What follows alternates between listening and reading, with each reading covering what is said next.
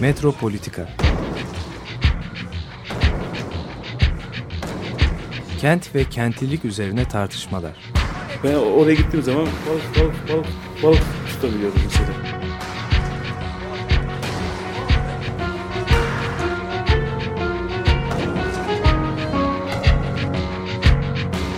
Hazırlayıp sunanlar Aysin Türkmen, Korhan Gümüş ve Murat Güvenç. Takusuyor ki. kolay kolay boşaltamadılar. Yani elektrikçiler terk etmedi Perşembe Pazarı merkezini. Merhabalar değerli Açık Radyo dinleyicileri. Metropolitika'dan merhabalar. Ee, bugün e, Murat Güvenç ile birlikteyiz. Ben Korhan Gümüş. Ee, Murat, sevgili Murat bugün aslında gündemi epey yüklü ama bir taraftan da kalıcı e, problemler üzerinde de konuşuyoruz.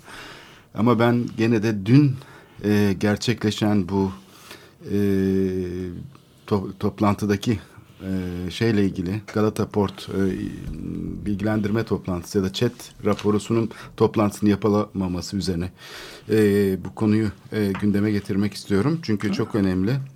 Evet. İstanbul'un tarihsel merkezinin neredeyse bütün sahili Karaköy iskelesinden başlayarak Karaköy iskelesi de dahil yani Karaköy Kadıköy iskelesi de dahil Fındıklı'da Deniz Ticaret Odası'na kadar gelen bölge 1958'de e, işte bu yeniden düzenlenen e, kamulaştırılarak ve İthal ikameci dönemde bir e, gümrük e, sahası olarak kullanılan İstanbul'un dış ticaret limanı. Haliç'in aslında dışarı taşmasının bir şeyi e, 19. yüzyılda inşa edilen modern limanın devamı olarak da görülebilir. Burası 87 yılında işlevini yitirdi. E, Haliç'in e, buradaki endüstrinin desantralize edilmesiyle, Haliç'in liman olmaktan çıkmasıyla birlikte, yıkımlarla birlikte ve o zamandan beri bir kara delik gibi şehrin hayatının içinde duruyor. Ve bu ilk önce Türkiye Denizcilik İşletmeleri tarafından özelleştirilmeye çalışıldı. Sonra şimdi e, bu plan iptal edildikten sonra e, özelleştirme idaresine devredildi ve e, satış e, 30 yıllığına yapışlet devret yöntemiyle bir tür satış diyelim kiralama sözleşmesi gerçekleşti. Evet. Şimdi de proje hazırlanmış ve e, kamuoyuna sunuluyordu. Dün e, protestolar nedeniyle bu e, chat değerlendirme toplantısı ya da kamuoyu bilgilendirme toplantısı doğru adıyla Çevre ve Şehircilik İl Müdürlüğü'nün düzenlediği yapılamadı. E, böylece bir şekilde ertelenmiş oldu. E, bu alanın e, düzenlenmesi veya tekrar şehir hayatına kazandırılması için özelleştirmekten başka bir yol yok mu diye belki sormak lazım bence ilk önce. Çünkü yani özel sektörden inşaat için, işletme için, temizlik için, projeler için hizmet alınabilir. Ama kamu kararını özel sektöre bırakmak bana biraz e, yani Türkiye'nin diğer e, özelleştirme uygulamalarından e, farkı yaptığının farkı bu gibi geliyor. yani diyelim e, birçok yerde özel sektörden hizmet alınıyor mesela ulaşımda değil mi? Deniz ulaşımında. Ama Türkiye'de doğrudan doğruya kamu hizmetinin yönetimi de özel sektöre bırakılıyor. Tasarımda. Tasarım yani proje tasarımı ya da Tarlabaşı projesinde olduğu gibi mesela doğrudan doğruya mimarlar şeye yatırımcıya e, çalışıyorlar. Halbuki fikir üretimi kamusal nitelikli bir karardır. Yani e, kararın en önemli şeyidir, içeriğidir yani. Bunun tamamen özel sektöre, piyasaya terk edilmesi aslında sorunun herhalde temelini oluşturuyor. Yani tabii ki özel sektör e, yapacak inşaatları, hizmet e, alımında özel sektör devreye girebilir. Burada e, temel bir kriz ortaya çıkıyor Türkiye'de sürekli bu özelleştirme uygulamalarında. Halbuki çok kolaylıkla e, daha farklı bir yöntem izlenebilir ve bu kadar zaman kaybedilmezdi. Bak 87'den beri burası e, İstanbul'a kapalı bir duvar gibi. Daha Şeyi- önce de açık değildi ki. Hayır daha önce zaten bir felaket yani İstanbul'un dış ticareti üzerinden bir nevi haraç alan bir devlet var ve yani düşünebiliyor musun? Bütün Pek öyle şeyi- söylemeyelim. Bütün devletlerde böyle. Öyledir. Vergi diyelim. Ama gümrük duvarlarını istediği zaman düşürüyor. Gemi yanaştığı zaman. istediği zaman yükseltiyor. Böylece aynı bugün imar e, konusunda olduğu gibi gelir transferi yaratıyor. Bir takım zenginler yaratıyordu. Hepimiz biliyoruz o zaman. Şimdi 87 yılından sonra da hani o dönemi savunuyor değilim ama 87 yılından sonra da e, hani e, kentin içinde bir fabrika gibi duran bir yer ama Beyoğlu'nun bütün sahili yani Galata Köprüsü'nden başlıyor bu alan aslında şeyden değil. Denizcilik Bankası binasından değil. Galata Köprüsü de dahil olmak üzere o alandan başlayan İstanbul herhalde şu anda en değerli yeri neresidir ya da bir proje alanı olarak düşünülse neresidir de, desen herhalde burası gelir değil mi akla? E, dünyada da az örneği az bulunan bir yerdir yani şey olarak. Evet. Yani bu süre içinde bu yapı sto- kalıcı müdahaleler yapılmadan yani yıkılmadan falan kullanılabilirdi bir takım etkinlikler için. Hı hı. Yani ama öyle bir şey olmadığı için yer yer kullanılsa bile e, bu şekilde stratejik bir şekilde ne bileyim Venedik'teki Arsenale gibi mesela kullanılamadı hiçbir zaman. İstanbul ki e, dev bir şehir. Bu şehirde yani burada yer alabilecek inanılmaz etkinlikler var. Yani o, olağanüstü bir etkinlik sahası. Ne bileyim hani deprem zamanında mesela e, bir dolu şey ofis açmak istedi NGO. Malzeme e, şey yapmak için mesela onun için bile kullanılabilirdi. Birçok deneyim için kullanılabilir burası. Yani e, şehirdeki e, eğitim şeylerini, etkinliklerini, sanat etkinliklerini, e, üretim, küçük üretim etkinliklerini destekleyebilecek birçok için, iş için kullanılabilirdi. Ama e, özelleştirmekten başka bir formül bulunamadığı için sürekli e, yıllardır yani ben ondan önceki dönemi hani eski kamu fikri diyelim e, 87'den beri de işlevsiz olarak kalmasını yani bir şey olarak skandal olarak değerlendiriyorum. Yani kendi içinde de bir skandal denebilir. Evet, bunu Hı. böyle e, özetledikten sonra haber e, babından şimdi e, senin yaptığın çalışmaya da geçelim istersen. Bu Yani bunu bunun üzerinde bir iki şey evet. söyleyeyim. Yani bir bir tanesi yani senin sunuşun bana çok yanlış gelmiyor yani. Ama bir taraftan da hep aklımda acaba bu niye böyle oluyor e, sorusu e, gündeme geliyor. Sen diyorsun ki burada e, yitirilmiş çok büyük bir şey var, potansiyel var.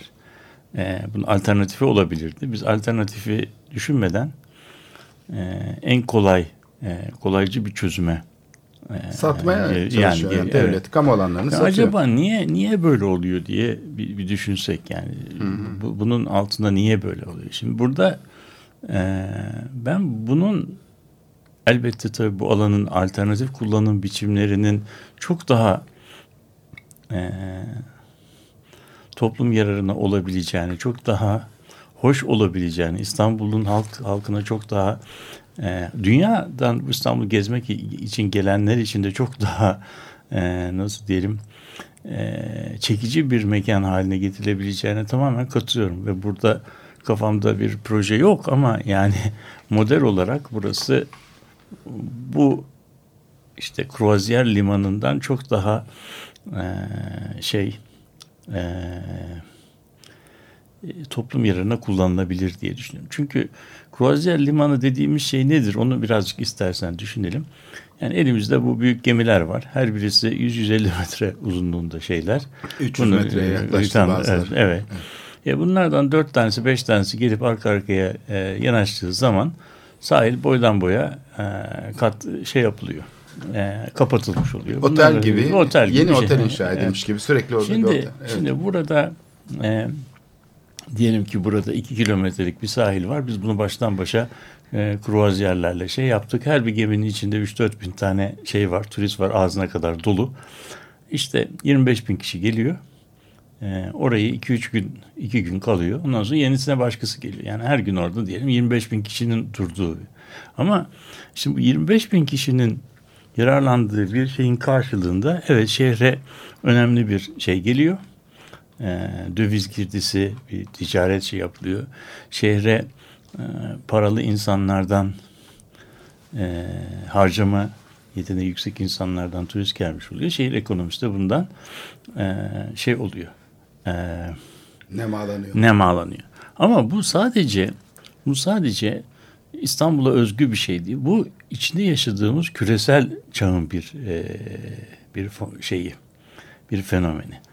Ne, ne bu tür bu insanlar kim? Bu e, şey yapanlar. Gelenler. Gelenler. E, gelenler işte dünyanın çeşitli ülkelerinde bu kruvaziyer gemileriyle seyahat etmeyi etme yeteneğine sahip olan şeyler, insanlar.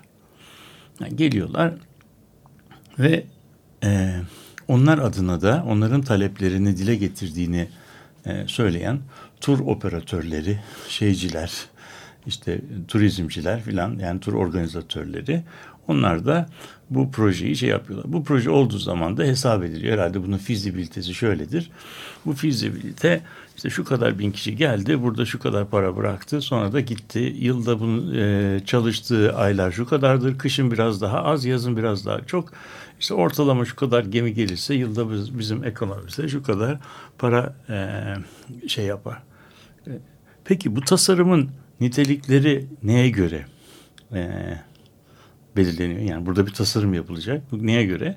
İşte bu şehri ziyaret edecek insanların e, taleplerine ki onları onların tam onların talebi olup olmadığını da bilmiyoruz. Onlar adına bu talepleri dile getirenler var. Onlar da işte bu şeyler, e, bu yatırımcılar, tur operatörleri filan. Peki bu adamların e, şeyi için nasıl diyelim İstanbul'da iyi vakit geçirmeleri için e, şehir e, buraya bu yatırımı yapıyor. Bunlara bu kitleye bugünkü e, kent araştırmaları literatürde kent kullanıcıları deniyor. İngilizce'de city users. City users e, o kenti kullanan, o kentte bazı hizmetleri nasıl yerine getirmesi konusunda şeyleri olan, talepleri, e, istekleri olan, arzuları olan ve bu arzuları yerine getirilen insanlar. Tamam mı? Ama bu insanlar o şehirde oturuyorlar mı? Oturmuyorlar. Kaç gününe geliyorlar?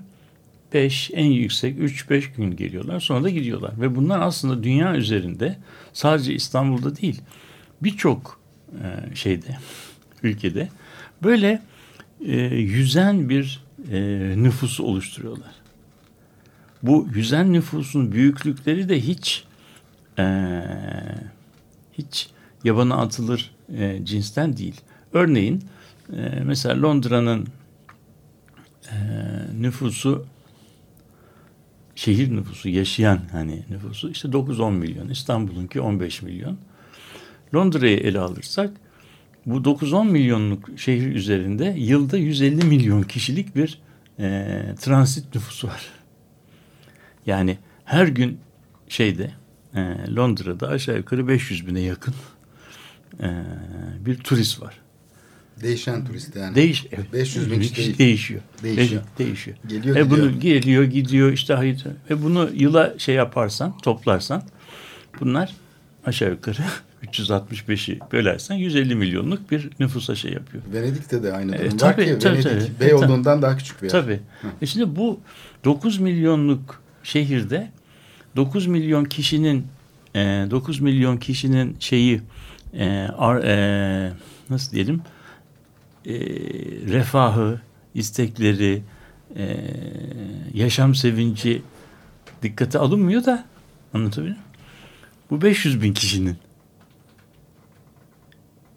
isteği üzerinden istekleri, arzuları, rüyaları, e, imgelemleri üzerinden şehir kurulmuş oluyor. Bir tarafta 9,5 milyon kişi yaşıyor, öbür tarafta 500 bin kişi yaşıyor. Şehir kullanıcısı dediğimiz şey sürekli olarak gelip geçen bu 500 bin kişilik nüfusun şeyi nasıl diyelim refahı 9 bin kişilik 9 milyonluk şehre eski dilde söylediği zaman galip geliyor, galebe çalıyor. Bir tarafta 9 milyon kişiyi bir tarafa koyuyoruz çünkü onların sayıları çok ama harcamaları düşük. Öbürkilerin sayıları düşük ama harcamaları şey. Bu noktada bu noktada şehirde yani toplumsal adalet açısından eskiden ve modernist toplumda hiç alışık olmadığımız yeni bir meşruiyet problemiyle karşı karşıyayız. Bu sadece İstanbul'da değil her yerde bu var. Anlatabiliyor muyum? Şimdi bu ikisinin arasında nasıl bir denge e, olmalı ve bu şehirdeki insanların e, yaşam sevinci, istekleri, katılımları ile İstanbul'da elbette gelecek olan turistlerin e, yaşam sevinçleri, rüyaları e, ve İstanbul'u kullanma biçimleri arasında nasıl bir şey e, dengeli çözüm bulunabilirdi sorusu var. Bunun anahtar kelimesi katılımcı bir şekildedir. Elbette İstanbul turizm üzerinden e, şey yapması çok önemli olacaktır. Bu turizm akımlarını yönetenlerin, onların e, bu turizm faaliyetini e, tetikleyenlerin, organize edenlerin, izleyenlerin, yönetenlerin de bu süreçte bir paydaş olarak elbette şeylerine, nasıl diyelim, görüşlerine başvurulması gerekir. Ama bu örnekte olduğu gibi başka yerlerde de bunun örnekleri var. Bu durumda biz e, şöyle davranmış oluyoruz. Şehirde yaşayanları bunlar kümesteki şeyler yani onlar bizim elde var bir yani on, onlar onların çok önemli tarafı değil. Geriye kalan nüfusları ki burada 150 milyon falan da değil. Yani e, günde e, 25 binden e, hesaplarsak bizim şeyimizde 20 bin kişinin geleceğini ve bunun full çalışacağını düşünürsek e, günde 20 bin kişiden e, 365 günde bu gelse yani öyle şey yapsak bunun toplam e, e, rakamı da o kadar e, yüksek bir şey olmayacaktır. Hesabını şimdi kafama yaptım mı? Ama 150 milyon kişi de olmayacaktır. Bir tarafta 15 milyonluk bir metropol, öbür tarafta da 20 bin çarpı 300 günlük bir e, şeydir. E, yani bunun 20 binle 300'ü çarparsak ne çıkar şimdi ezberden yapamayacağım ama e, milyon e, 60 milyon gibi bir şey olur herhalde. 6 milyon gibi bir şey 7 olur. milyon gibi. 7, 7 milyon 7.2 gibi. milyon falan. Yani ama yılda e, yılda e, yani İstanbul şeydeki gibi yani İstanbul nüfusunun çok daha azını oluşturan bir e, nüfus ki benim yaptığım hesap bayağı abartılı bir şey. E, yani o 7 milyonun şeyi bütün 360 günde oraya yenildiği düşünülüyor ki belki bunun şeyi e, sezonun 3-4 ay sürdüğü, e, kışın bunun çok daha az olduğu düşünülürse burada hakkında konuşacağımız yani ziyaretçi sayısı İstanbul'u kruvaziyerle ziyaret edeceklerin sayısı 1 milyonun civarını geçmeyecektir. Yani en iyi iyimser. E, 1 milyon kişinin şeyi için, e, refahı için, şeyi için, rüyalarının hayata geçirmesi ve İstanbul'u daha rahat e, ziyaret edebilmeleri için 15 milyonun şeyinin tamamen ha bu bu şimdi bu şehir kullanıcısı meselesini gündeme getirmemekle biz sorumluyuz. Evet. Yani biz bunu bu problemi hiç e, gündeme getirmedik. E, bunu bir problem olarak da görmedik ve sanki dünya bizim modern bizim mesleklerimizi öğrendiğimiz çağdaki gibi devam ediyormuş gibi davrandık. Öyle olduğu zaman da bu meşruiyet problemini, bu e, kaynak tahsisi problemini tamamen ıskaladık. Şimdi bu saatten sonra e, neler yapılabilir meselesinde ben iki şey e, görüyorum. Yaz burada bir küçük bir parantez açabilir miyiz? Ben çünkü e, onların talepleri karşılansın diye bu yapılıyor şeyine küçük bir itirazım var. Yani çoğu zaman mesela bu e, turizm gelişen yerlerde gözlemlenen bir şey. Yani bir süre e, belki öncü bir takım insanlar bir takım şeyleri keşfediyorlar. Mesela ne bileyim Boğaz'daki bir semt meyhanesinin geçmişte keşfedilmesi gibi.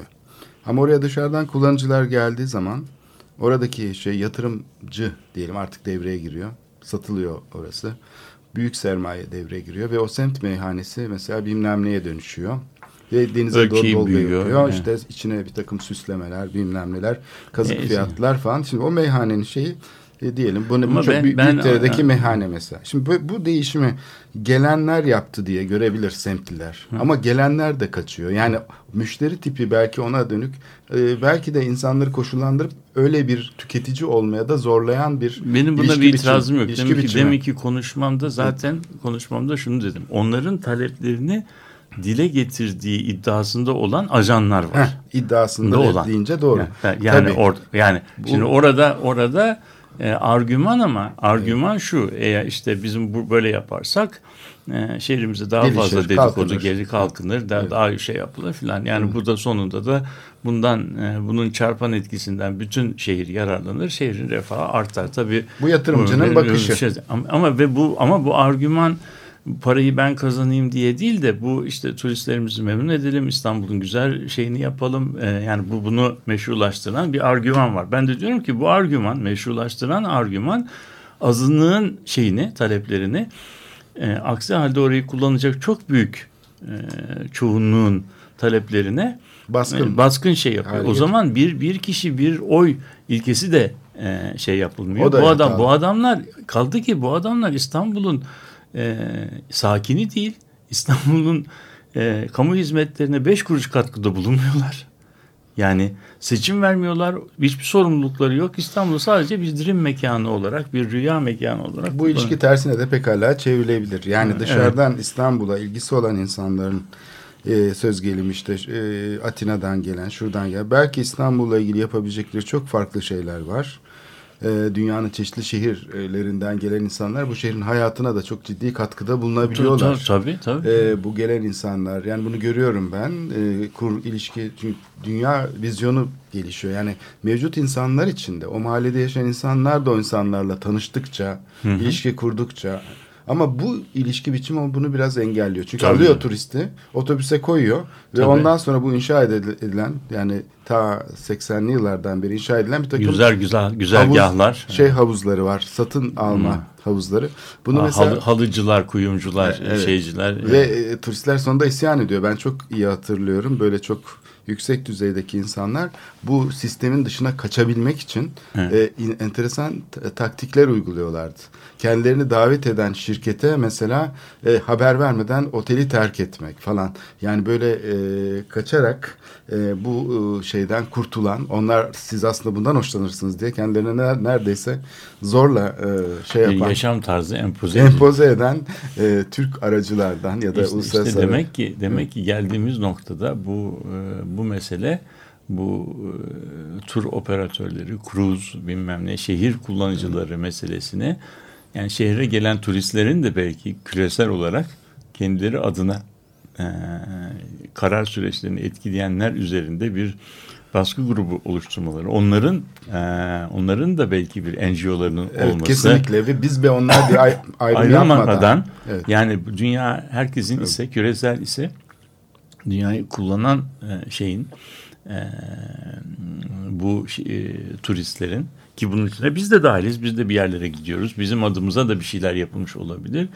E, bizim şeyimizin e, sorulmadan e, bizim e, efendime söyleyeyim fikrimizin danışılmadan alınmadan bu üzerinde yapılan operasyonlar e, büyük bir yani yeni küresel şeyde yeni kent operasyonlarının meşruiyet meselesini gündeme, Gündeme getiriyor. getiriyor.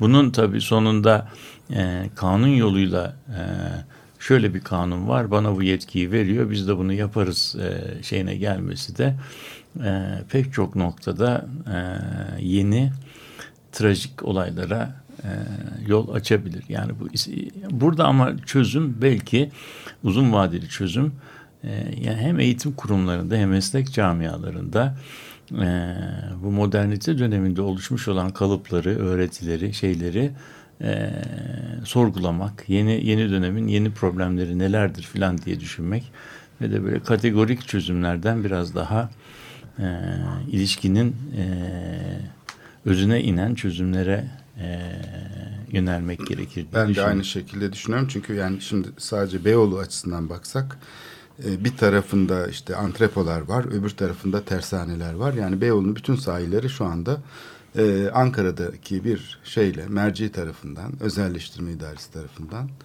satılmış oluyor. Evet. Yani bu kadar e, önemli bir kararın en azından bir konuşulması gerekir. Beyoğlu'nun planları yapılıyor ve planlarında burası beyaz boşluk. Niye?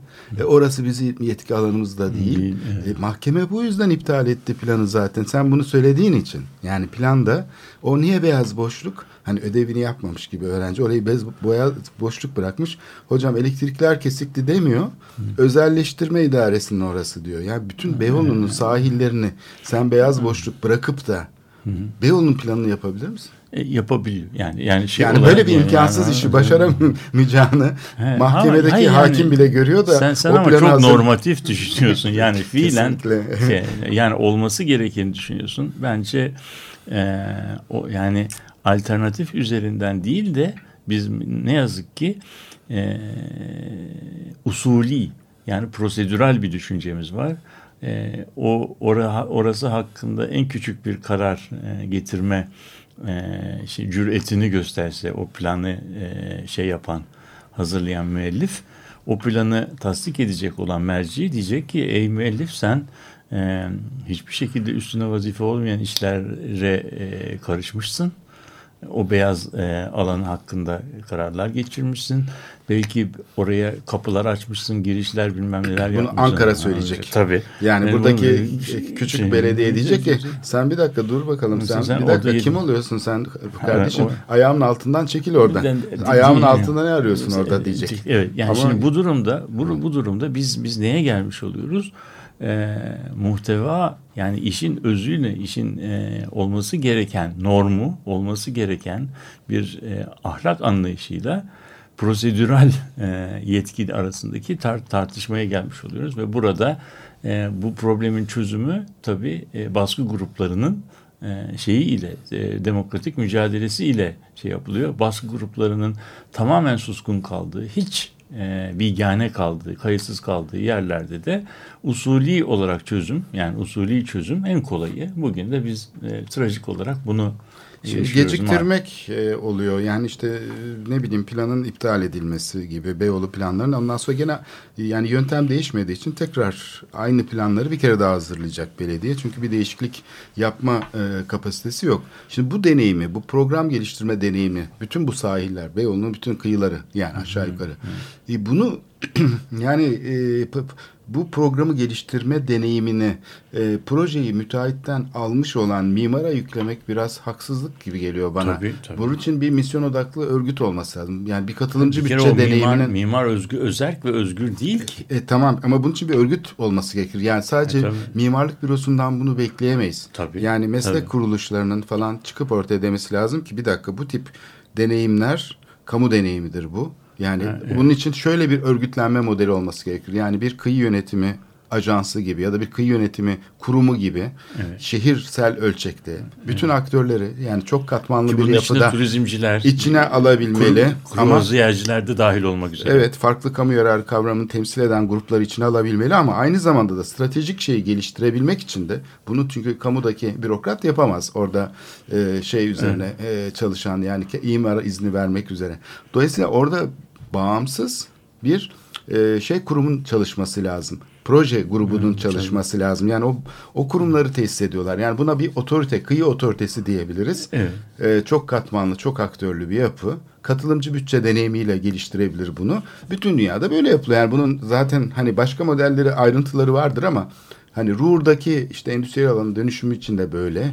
İşte bilmem neredeki e, parkın dönüşümü yani Gezi Parkı gibi bir alanın yönetimi içinde. Karasurları gibi hani UNESCO Dünya Miras Listesi'nde yer alan bir bölgenin yönetimi içinde her zaman yani sabah işe giderken ne iş yapacağını belli insanlarla yönetiliyor. Yoksa e, arada geçerken ha şurası da özelleştiriliyormuş. Hadi biz de e, bu işle uğraşalım diyen bir özel sektör kurumu ile yapılmıyor. Yani bunun ciddi bir şeyi var, birikimi var dünyada.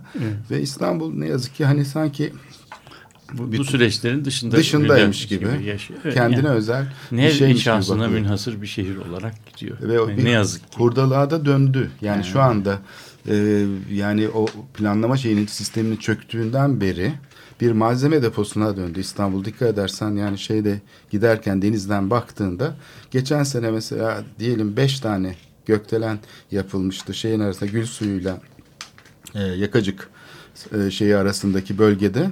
Şimdi 15 tane. Hayır yok 15 değil sayamıyorsun. Yani bir anda bir senede aynı büyüklükte hani şey vardır ya böyle bir tarlaya bir şey ekilir. Hepsi beraber. aynı O şey. bölgede aynı yükseklikte çıkmış durumdalar. Evet peki yani bunun eee bunu bu, bu eee, bunu eee, olması gerekenle olabilecekle eee, olan arasındaki eee, maalesef olan arasındaki gerilimi yaşıyoruz. Yani benim alternatiflerim var, senin alternatiflerin var ama eee, bunun hayata geçmesi için arkasında eee, bu bu konulara duyarlı bir şey toplumsal eee, katılım, bilinç, eee, sorgulama, eleştiri gerekiyor. Maalesef de İstanbul'da bu çok zayıf yani bu Evet, yüzden. o kapasite yok. Yani bağımsız düşünce gelişmesi, sembolik Evet. alandaki yani üniversite alanında da yok kurgulama maalesef. aşamasında çalışan kurumların bağlı olması yani yaratıcı yani bu dönüşümün e, şeyini oluşturan fikriyatını olan oluşturan, kamusal nitelikli kararların içeriğini oluşturan yaratıcı sektörün bağımlı olması bir sekt, e, şehrin başına gelebilecek en büyük felakettir. Yani Dünyanın her yerinde e, bu böyle hangi olmuştur. projeyi, hangi kentsel projeyi ele alırsak alalım biz e, aslında bu e, bu projeyle e, bu sorunla karşılaşıyoruz. Taksim'deki inşaat da buna benziyor. Birçok e, özelleştirmeler de buna benziyor. E, işte özelleştirme idaresinin şeyini yaptığı nasıl üzerinden yapılan işlerde böyle bir süreç işliyor. Ben bunun alternatiflerin olabileceğini düşünüyorum ama alternatiflerin de hayata geçirilebilmesi için de e, sadece siyasi yetkiden ibaret değil başka şeylere de e, ihtiyaç var ki onun içerisinde bir e, kamu ah, kamusal alan ahlakı, katılım ahlakı, bir e, alternatif düşünme, demokrat e, olma, başkalarına saygı falan gibi e, hasletler, e, karakteristikler gere- gerektiriyor. Yani bu da şu anda bizim e, kent yönetimi sürecimizde en övünebileceğimiz şeyler değil. E, Kozlarımız değil. Yani o yüzden biz bu e, şeylerden çok yaşayacağız. Öyle anlaşılıyor. Evet, merkeziyetçi yönetimin işte Ee, en şehir kolay, en kolay, en ekonomisine ve şehir, yerel kültürleri kazıması, kontrol altına almasının en kolay sonucu bir tanesi bu. buraya e, geldiğini Yani bu esasen. Londra e, Docklands'tan başlayan e, büyük mücadeleler sonu Docklands'tan başlayan bir şeydir, e, bir e, modeldir ve bu modele işte biz o da 85'ler 87'lerde zannediyorum e, şey Evet. oldu. Orada başlayan süreç şimdi giderek dünyanın her tarafına e, bir model olarak şey yapılıyor. E, izini bırakıyor yani bir ayak izini bırakıyor. Evet ama işte bununla mücadele ediliyor bütün Evet, şeylerde. evet, bu mücadelede bu mücadelede işte İstanbul'da e, bu açıdan çok e, parlak bir durum yok. Çünkü e, iyice tersine merkezi otoritenin son derece güçlü olduğu yerel şey ekonomiyi tamamen imar üzerinden kontrol ettiği bir şeydeyiz. Ta 100 yıldır bu durum böyle. Onun için bunun tepe noktasındayız belki de. Bir bakıma belirgin hale gelmiş olması da bir kazanç Peki. sayılabilir. Peki şimdi biraz e, ara verelim. Limanlarla ilgili bir şarkı dinleyelim. E, şeyin e, Jacques Brel'in Amsterdam e, şarkısını dinleyelim.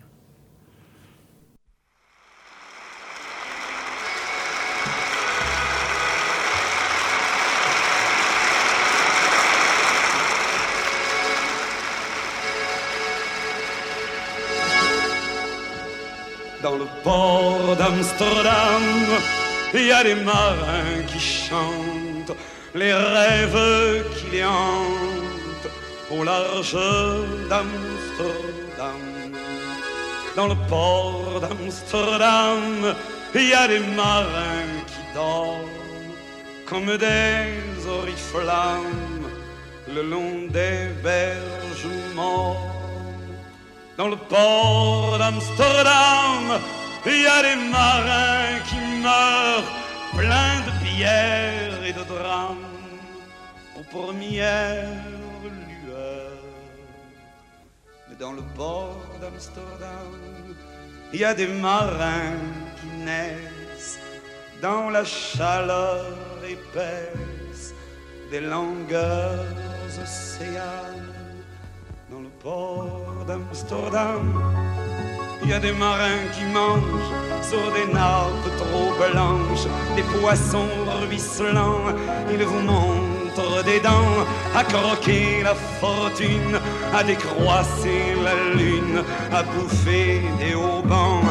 Ça sent la morue jusque dans le cœur des frites que leurs grosses mains invitent à revenir en pluie. Puis se lèvent en riant dans un bruit de tempête, referment leurs braguettes et sortent en rotant.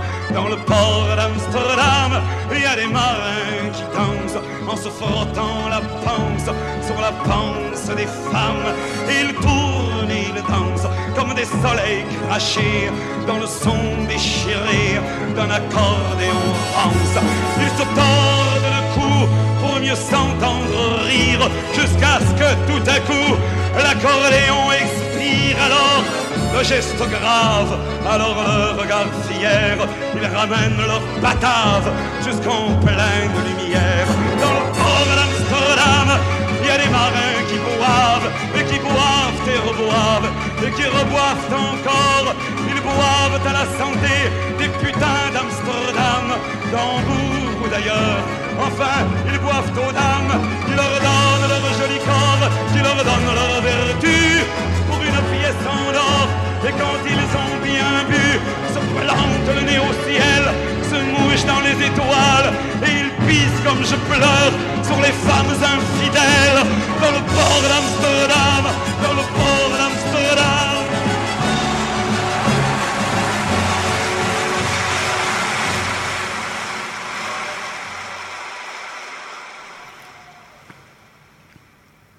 Jacques Brel'den dinledik Amsterdam isimli parçayı.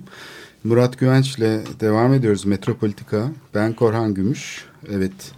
Ee, Murat e, bizim aslında yaptığımız seçimlerden sonra hep yaptığımız bir program vardı. Senin araştırmalarınla ilgili. Evet. Ee, 30 Mart yerel seçimlerinden sonra Bir kere yapmıştık. bir kere yaptık ve bayağı da e, iyi bir şey oldu. Şimdi bu Cumhurbaşkanlığı seçimlerinden sonra e, sen herhalde rahat durmamışsındır gene. bir şeyler yapmışsındır diye düşünüyorum. E, ne, neler oldu sence?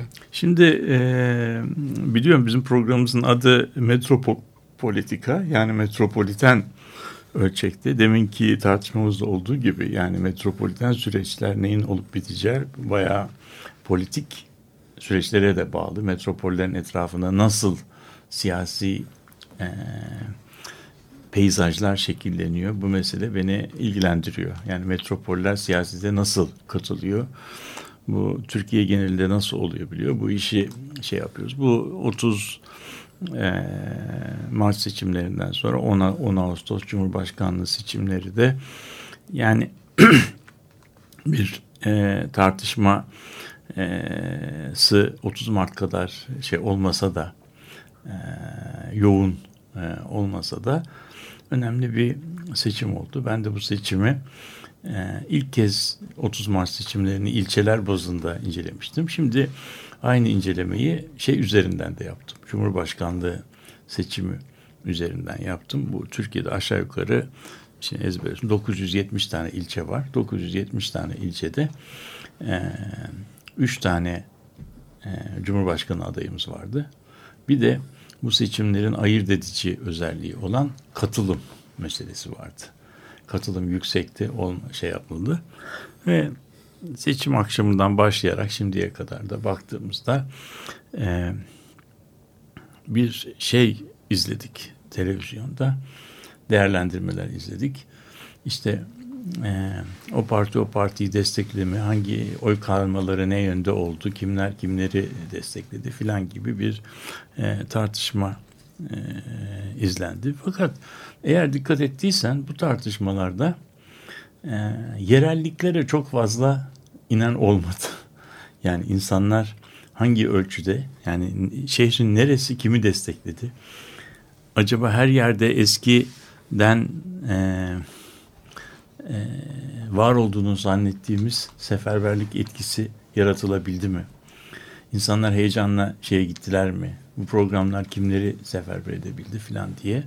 E, pek bu tartışılmadı. Genellikle böyle ülke genelindeki işte onlar şu kadar kişiye oy verdi, o kadar kişiye oy vermedi, katılım şu kadar oldu. Onlar o katılmayanların tamamı şu partiye verseydi seçimin sonucu başka türlü olur gibi filan değerlendirmeler oldu. Ben bunları böyle çok e, koşullu ve de ikna edici olmayan şeyler e, gibi görüyorum değerlendirmeler. Yani seçim aslında yerellikler üzerinde oluyor. Yerel insanlar. Çünkü insanlar e, Türkiye'ye adalardan bakmakla modalardan bakmakla Türkiye'ye Şemdinli'den, Şırnak'tan, Uludere'den veya Ankara'dan Ya başka bir yerden veya Bağcılar'dan veya Ya, Tuzla'dan bakmak. Fark. Farklı şeyler. Yani orada farklı gündelik e, yaşantılar, farklı e, öncelikler, farklı e, değil mi? Yani yerellikler. Şimdi bunlar yokmuş gibi bir e, şeyin e, gökyüzünde yaşayan bir seçmen e, düşünüp yer, yerellikten, kültürden, şeyden, gündelik hayattan bağımsız o seçmenin tavırları üzerinden, ona atfedilen tavırları üzerinden siyasi değerlendirme yapmak bana oldukça... Bunu açıklamaya evet. siyasi semboller dahi yetmiyor. yetmiyor Falanca değil. parti demek de yetmiyor. Çünkü tabii, tabii. Hani Kasımpaşa'daki parti. yaşam ağlarıyla evet. e, diyelim Ok Meydanı'ndaki ilişki ağlarıyla falan bakıldığı zaman siyasi parti ya da siyasetin temsil alanında dahi bu görülemiyor. E, tabii tabii. Yani evet. o yüzden o yüzden bu işin bu işin bu siyasi antropoloji dediğimiz şeyin ciddiye alınması ve bu kimler kimi seçimleri kimi kimin kazandığı kadar önemli bir şey. Yani kimler hangi gerekçelerle, hangi tahayyüllerle, hangi umutlarla kimi niye desteklediler, ne oranda desteklediler meselesini ciddiye almamız lazım. Bunlar fasafiso değil, gulu gulu dansı değil. Yani bunlar aslında çok e, nasıl diyelim önemli e, şeyler. Bu girizgahtan sonra baktığımızda bu girizgahtan sonra baktığımızda e, şeyde bu seçimde Türkiye coğrafyasının seçim coğrafyasının kurulan ittifaklar üzerinden biraz değiştiğini görüyoruz. Biraz değiştiğini. Ve genellikle adayların adayların e, seçimini seferber etmekte, yerellikleri seferber etmekte e, farklı farklı başarılar, farklı yörelerde farklı başarı düzeylerine eriştiklerini e, görüyoruz. Şimdi kabaca şöyle bir e, değerlendirme yapalım. Üç tane adayımız var. Bu üç adaya baktığımız zaman İhsanoğlu'nun seçmenini Türkiye ortalamasındaki seçmenden daha başarılı olarak e, seferber edebildiği yani kendisine yönelik bir e, yoğun destek sağlayabildiği yöreler var. Buralarda başarılı olmuş. Kendisi tek olan. İkinci bir yer var. İhsanoğlu başarılı olmuş ama katılım Türkiye genelinin altında olmuş. Yani katılımın düşük olduğu bir yerde e, başarılı olmuş. Aynısı Erdoğan için de geçerli. Erdoğan'ın tek başına yüksek katılımla başarılı olduğu yerler var. Erdoğan'ın başarılı olduğu ve katılımın Türkiye genelinin altına düştüğü yerler var. Demirtaş'ın çok başarılı olduğu ve e, katılımın Türkiye ortalamasının çok çok üzerinde olduğu yerler var. Küçük bir bölge. Bir de e, Demirtaş'ın başarılı olduğu e, ama katılımın e, herhangi bir nedenle Türkiye ortalamasının altında olduğu yerler var ki o bölgeden biliyoruz e, bu mevsimde e, tarımsal e, işçi olarak Çukurova'ya, Karadeniz'e veya şeye e, güneydeki turizm işletmelerinde çalışmaya giden büyük e, miktarda mevsimlik iş gücü var. Bununla da ilişkili olabilir. Ama bu e, yöntemle, bu yaklaşımda baktığımız zaman ve bunu birazcık da metropollerin içine, İstanbul'a doğru da böyle getirdiğimiz zaman görüyoruz ki e, İstanbul'da böyle e, Boğaz'ın iki yakası itibariyle baktığımız zaman Trakya e, kısmında e, Erdoğan'ın başarılı olduğu yerlerin ve ilçelerin sayısı son derece az. Yok neredeyse. Yok ki neredeyse yok. Yani tamamen yani bir bölünmüş. Yani bu haritayı tabii dinleyicilerimize göstermek imkanı yok ama herhalde bir yerde e, yayınlayabiliriz. Avrupa ama, tarafında evet, yani Avrupa, Avrupa, Avrupa yakasında Trakya'da e, şey, e, şey yok. Erdoğan yok. Yok. Çok az. E, çok az. Yani burada Erdoğan'ın başarılı olduğu Kentsel yerler e, alanlarında bile evet. yani mesela buradan e, size e, İstanbul'da geleneksel olarak e, Erdoğan'ın çok başarılı olduğu e, ilçeler var ve oralarda katılımın Erdoğan'ın başarılı fakat katılımın son derece düşük olduğunu e, gösterebilirim. Şimdi burada size e, o listelerin hangileri olduğunu e, söyleyeyim. İstanbul'un neresinde Erdoğan çok başarılı olmuş, neresinde başarılı olmuş ve ancak şeyi e, katılımı eskisi kadar yüksek e, şey yapamamış. E, katılımın düşük olduğu bölgeler. Mesela Bağcılar, Başakşehir, Bayrampaşa, Beykoz, Çekmeköy, Esenler, Gazi Osman Paşa, Pendik Sancaktepe, Tuzla ve Ümraniye. Buralar genellikle Erdo şeyin AK Parti'nin çok güçlü olduğu yerler. Burada Erdoğan başarılı olmuş. Fakat katılım e, katılım 30 Mart'taki kadar yüksek değil. Peki 30 Mart'ta burada durum nasıldı? Ha, o- Orada- otu- yani tam bu bölgelerle ilgili bir e, araştırma e, yapmış değilim ama bunu böyle bir bütün olarak e, ele alırsak yani bu Erdoğan'ın başarılı ama katılımın şey olduğu yerde e, şimdi mesela e, bu tür yerlerde ki bu Türkiye'de bu sadece saydıklarımdan değil 30 Mart'ta bu alanlara katılmayan ve geçersiz oyların toplamı toplam oyların yüzde 20'si 20 20.2'si iken şimdi burada katılmayan ve ge- geçersiz oyların toplamı burada yüzde 42'ye çıkmış. Yani neredeyse yarıya yakın bir şey Yüzde var. yüz artmış. Yani burada demek ki e, şey evet Erdoğan Türkiye genelinde aldığı oyun daha üzerinde bir oy e, almış. Fakat şey e, katılım e, yani çok az üzerinde almış ama katılım müthiş bir şekilde düşmüş. Aynı şekilde buna benzer e, bir süreç keza şey içinde var. İhsanoğlu e, açısından da var. Mesela e, katılmayanların çok yüksek olduğu bir e, yerde şimdi eskiden bu bölgelerde bu ilçelerde şey e, 30 Mart'ta katılım yüzde 15 düzeyinde katılmayanların oranı yüzde 15 iken şimdi İhsanoğlu'nun kazandığı yerde ve katılmayanların oranı 27'ye çıkmış. Yani bu bize gösteriyor ki seçimi e, seçimde belli bir yani katılmamanın da bir coğrafyası var.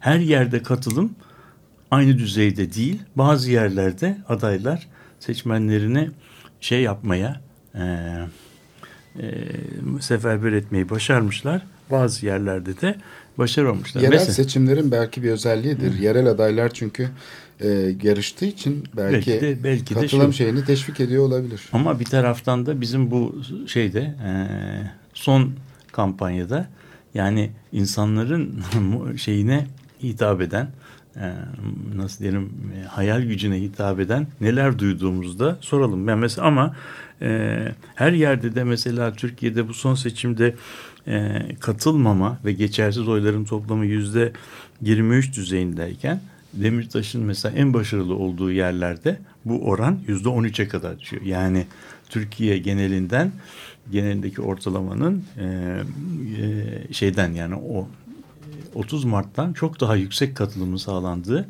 e, bölgeler de var. Şeyin e, belki bu seçimde e, şeylerin oyların oyların partilere verilen oyların e, toplanabilirliği üst üste konup toplanabilirliği üzerinde büyük bir e, hata yapıldığı anlaşılıyor. Bu hatanın da demin konuştuğumuz mesele yüzünden yani seçmenin kimliği, yerellikleri, imajinasyonu, yerel problemlerinden bağımsız olarak ha onlar şimdi şu partiye verdilerse o partide şu adayı destekliyorsa o oyların tamamını ben buradan alırım öbür tarafa korum. Siz de gidersiniz tıpış tıpış oylarınızı verirsiniz argümanının doğru olmadığını bu şeyin e, oyların e, her zaman her yerde üst üste toplanabilirliğinin e, sağlanamadığını e, görüyoruz. Bu aslında demokrasi açısından da çok şey değil, e, kötü bir olay değil. Evet. Ve bunun Fikri adına sabiti fikri olmayan, olmayan yani bu, seçmen. bu durumda Evet. bu durumda e, şeyi e, seçmeni belli bir alanda e, elleri mahkum buna vereceklerdir konusundaki varsayımların her zaman e, doğru olmadığını görüyoruz. Bu analiz aslında e, şey oldukça e, ayrıntılı bir şey.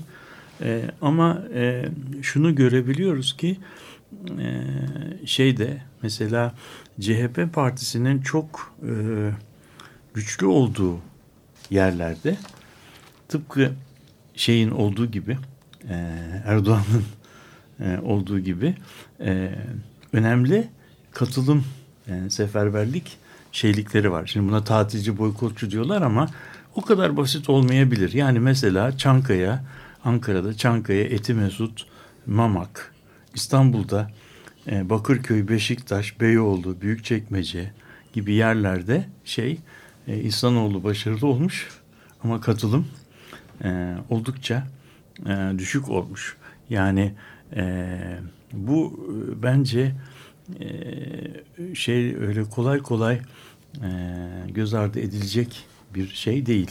Yüksek oran katılımın çok düşük olduğu e, yerlerde adaylara e, tahmin ettikleri e, oy tabanını sağlamıyor. E, ve de sonunda bir temsiliyet problemini zaten var olan bir temsiliyet problemini daha da pekiştiriyor. Biz bu seçim işini anladığım kadarıyla biraz daha ciddiye almamız gerekir diye düşünüyorum. Yani buradaki şey e, bu seçim e, biraz böyle bizim alışık olduğumuzdan daha farklı bir Türkiye haritası e, ortaya çıkarıyor. Sahillerde kimin kazandığını herkes biliyor. Sahillerden içeri geçerken, iç kısma geçerken Erdoğan'ın ve İhsanoğlu'nun e, birlikte başarılı olduğu yerler var. Bir böyle bir tampon bölgesi. Ondan sonra şeyin e, Erdoğan'ın başarılı olduğu e, İç Anadolu e, ve Karadeniz, e, Doğu ve Batı Karadeniz bölgesini görüyoruz. Güneydoğu Anadolu'da da e, Demirtaş'ın çok başarılı olduğu ve artık orada hemen hemen hiçbir istisnaya yer bırakmayacak şekilde bir bölgesi, bölgede bir e, nasıl diyelim bir kale e, oy deposu olduğu ortaya çıkıyor. Şimdi bu, bu, bu resim bize e, ilçe düzeyinde e, bakıldığı zaman e, illeri gözlem birimi olarak alıp ha buralarda yani illerin illerin haritalandığı bir şeyden çok daha e, hassas e, yerellikleri işaret eden bir harita üretmiş olduk. Evet. Programın sonuna geldik. E, şimdi e, tabii iki turlu seçim de önemli bir parametre. Bu Türkiye'de ilk defa oldu. O da çok e, etkili bir faktör. Aynı zamanda seçimin demokratik koşullarda olmaması üzerine çok ciddi bir tartışma olmadı. Belki bu daha ciddi bir şekilde tartışılması gereken bir konuydu. Yani demokratik bir seçim nasıl olabilir? Bunu yerellik ölçeğinde de söyleyebiliriz. Yani bir alandaki bir dönüşümden e, güç kazanan bir grubun aynı zamanda siyasi araçları, medyayı elinde tutması demokratik bir sonuca yol açar mı? Yani bunlar çok temel ilkesel konular. Bunlar da tartışılamadı yeterince. Oysa ki seçimin öne çıkarma, e, seçim öncesi daha adaylar ortaya çıkmadan partilerin bunları tartışması gerekirdi. Adaylar ortaya çıktıktan sonra bazı şeyler tartışılmaya çalışıldı ki bu da hatalı oldu. Yani adaylar partiden değildi tamam. Ama partilerin e, ilkesel sorunları, demokrasinin ilkesel sorunlarını çok daha farklı yollarla ve e, kamuoyu oluşturarak herkesin ortak e, savunabileceği değerler haline getirerek e, tartışmaları da beklenirdi. Bunları herhalde başka programlarda tekrar konuşacağız. Evet, Değerli destekçimiz yani. Zeynep Gül'e de teşekkür ederim bu arada. Peki. Evet. Şimdilik e, hoşça diyelim. Evet. evet. Herkese iyi haftalar.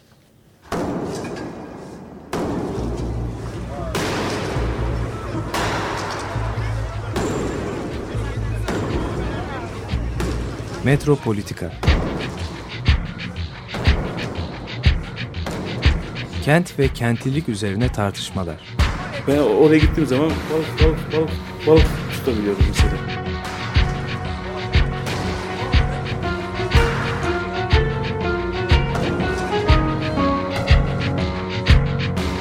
Hazırlayıp sunanlar Aysin Türkmen, Korhan Gümüş ve Murat Güvenç takusuyor ki. Kolay kolay boşaltamadı. Yani elektrikçiler terk etmedi Perşembe Pazarı merkezinde. Açık Radyo program destekçisi olun. Bir veya daha fazla programa destek olmak için 212 alan koduyla 343 41 41